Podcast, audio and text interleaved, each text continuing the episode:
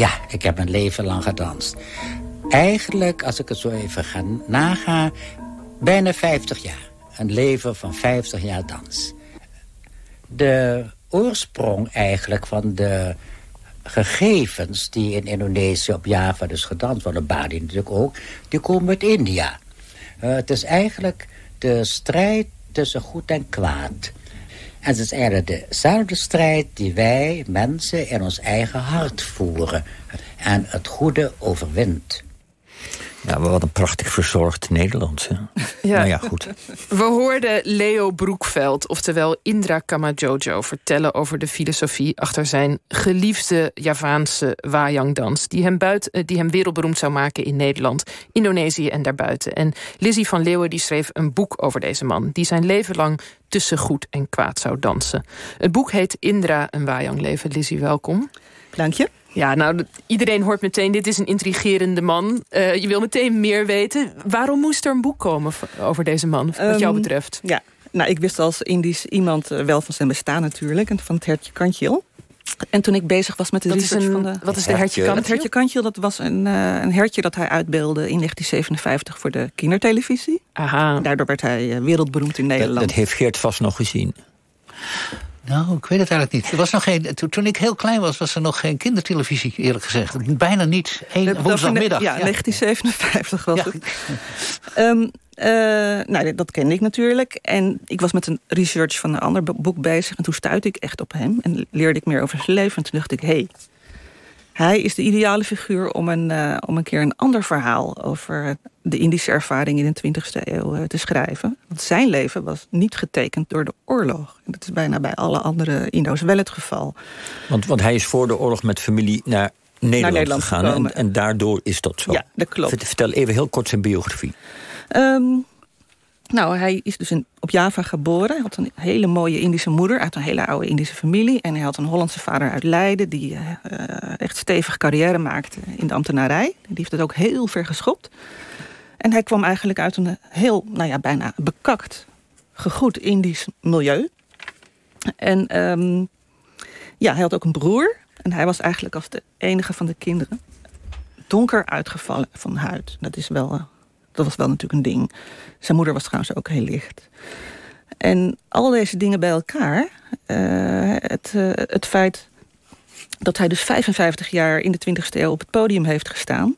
En ik wilde dus een verhaal schrijven over de dekolonisatie in Nederland, maar dan zonder het bloedvergieten en zonder kampongbranden. Dat had ik, had ik zelf even een beetje genoeg van toen dacht ik, hé, hey, deze man is een, een geweldig uh, voorbeeld van een ja, andere ervaring. is overigens een interessante ambitie. Een uh, boek schrijven over de kolonisatie en dekolonisatie zonder oorlog en bloedvergieten. Maar laten we dat even laten voor wat het is. Um, wat is dan zijn verhaal? Want je zegt deze man 55 jaar op het podium. Leg even uit, waar stond hij op welk podium en wat deed hij daar? Dat is een heel lang verhaal.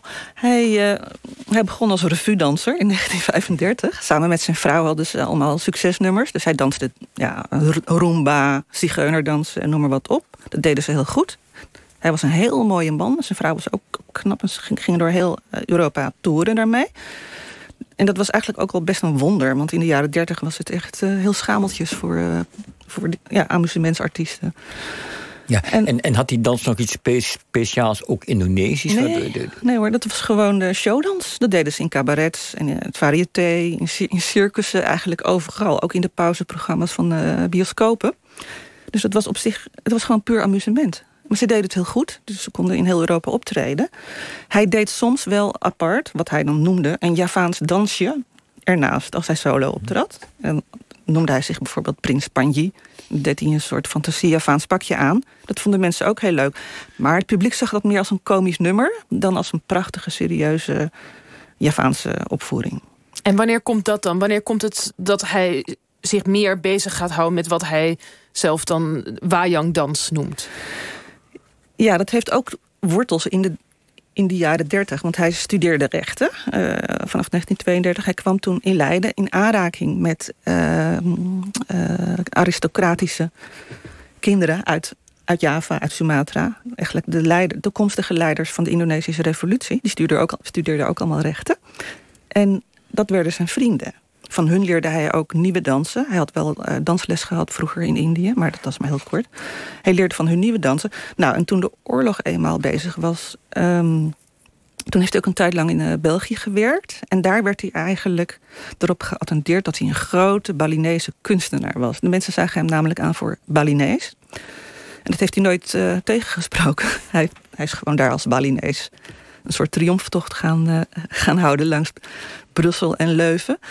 Hij heeft zelf wat nieuwe dansen bedacht en ook uh, kostuums laten aanrukken uit Nederland. En daar werd hij in, in korte tijd een hele gevierde, exotische danser. Maar tegenwoordig zouden wij zeggen, dat is dus niet authentiek. Dat is gewoon een soort, is, was het dan een soort zelfverzonnen verzonnen dansje... wat een beetje exotisch uh, uit moest zien voor het publiek? Of nou, zat er ook wel echt iets echts in? Nou, ja, Indra werd tijdens zijn leven ook constant met deze uh, vraag uh, geconfronteerd. een hele irritante vraag. Mm -hmm. Want wat is authentiek? Hij, hij, hij voelde zich authentiek. En hij maakte gebruik van de gegevens die er waren in de Javaanse dans. En, en daar deed hij soms wat nieuws mee. En zijn Javaanse vrienden, die allemaal dus een dansopleiding kregen aan het hof... Hè, dat moest in die aristocratische opvoeding... die konden daar wel om lachen. Die, ze namen het hem ook niet kwalijk, want hij was een Indo. Als hij een Javaan was geweest, dan was het natuurlijk een soort uh, sacrilege geweest. Dat kan helemaal niet. Maar uh, hij mocht het doen en ze hielpen hem ook erbij. Nou, en in die oorlog, in 1944... toen kreeg hij door een buitenkans... mocht hij ineens solo optreden in het Concertgebouw. En daar deed hij dus uh, Javaanse dansen serieus, zeg maar. En vanaf dat moment was hij niet meer Leo Broekveld, hè, zoals hij eigenlijk heette... maar werd hij hij transformeerde als het ware in Indra Kamadjojo. En dat werd ook zijn nieuwe... Ja, ik vind het een rotwoord. Nee, dat was niet zijn artiestennaam. Hij werd Indra Kamadjojo. Hij ging ook in het telefoonboek en op zijn okay. paspoort hij alles. Hij nam als het ware een, een nieuwe culturele identiteit aan. Het was eigenlijk een soort mythisch verschijnsel. Want in diezelfde nacht dat hij optrad in het uh, concertgebouw... werd zijn zoon geboren, Peter Broekveld. En het leek net alsof hij daarmee zijn oude veren afschudde. Zijn zoon was voortaan de Broekveld en hij was het. Ja, laten we even naar, naar, naar het moment gaan eh, na de oorlog. Dus mm -hmm. na de Tweede Wereldoorlog en nou ja, de onafhankelijkheidsstrijd in Indonesië. Indonesië wordt onafhankelijk, et cetera, et cetera. Hij, um, hij, hij, hij staat achter de Indonesische onafhankelijkheid. En tegelijkertijd moet hij zijn kost verdienen als, laten we zeggen... Indonesisch-achtige danser in Nederland. Ja. Uh, hoe doet hij dat?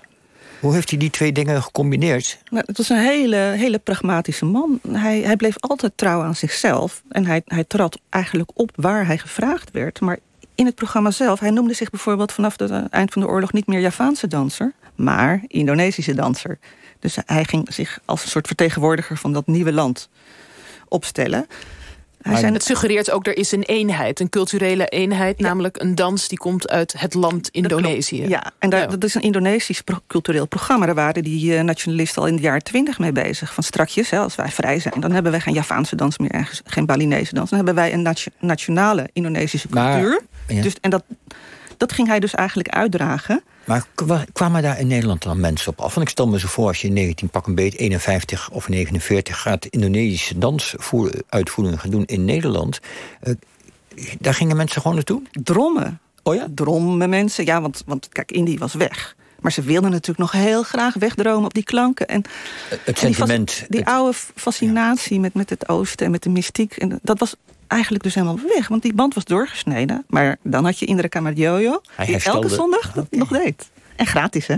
In het, in het tropen, Tropenmuseum. En wie betaalde dat dan? Nou, het Tropeninstituut. Daar, daar had hij elke zondag. En dat was het bomvol. Want mensen gingen niet meer naar de kerk in Amsterdam. Nee, ze gingen naar het Tropeninstituut. Want dan smiddags trad hij op bij die klanken van de Kamerland. En, en, dan waren ze toch weer eventjes maar, helemaal voor de oorlog. Goed, dan zijn die mensen voor de oorlog... terwijl hij voor de onafhankelijkheid is.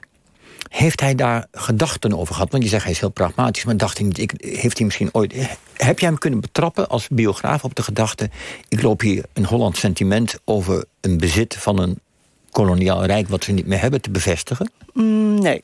Nee, hij is wel daarmee geconfronteerd ook met die vraag. Maar hij, hij, hij, hij nam alles als het ware uh, heel pragmatisch. Hij ging nooit tegen zijn eigen opvattingen en, en dingen in. Maar hij moest wel de kost verdienen natuurlijk. En hij wist dat hij de kost moest verdienen met zijn kunstje.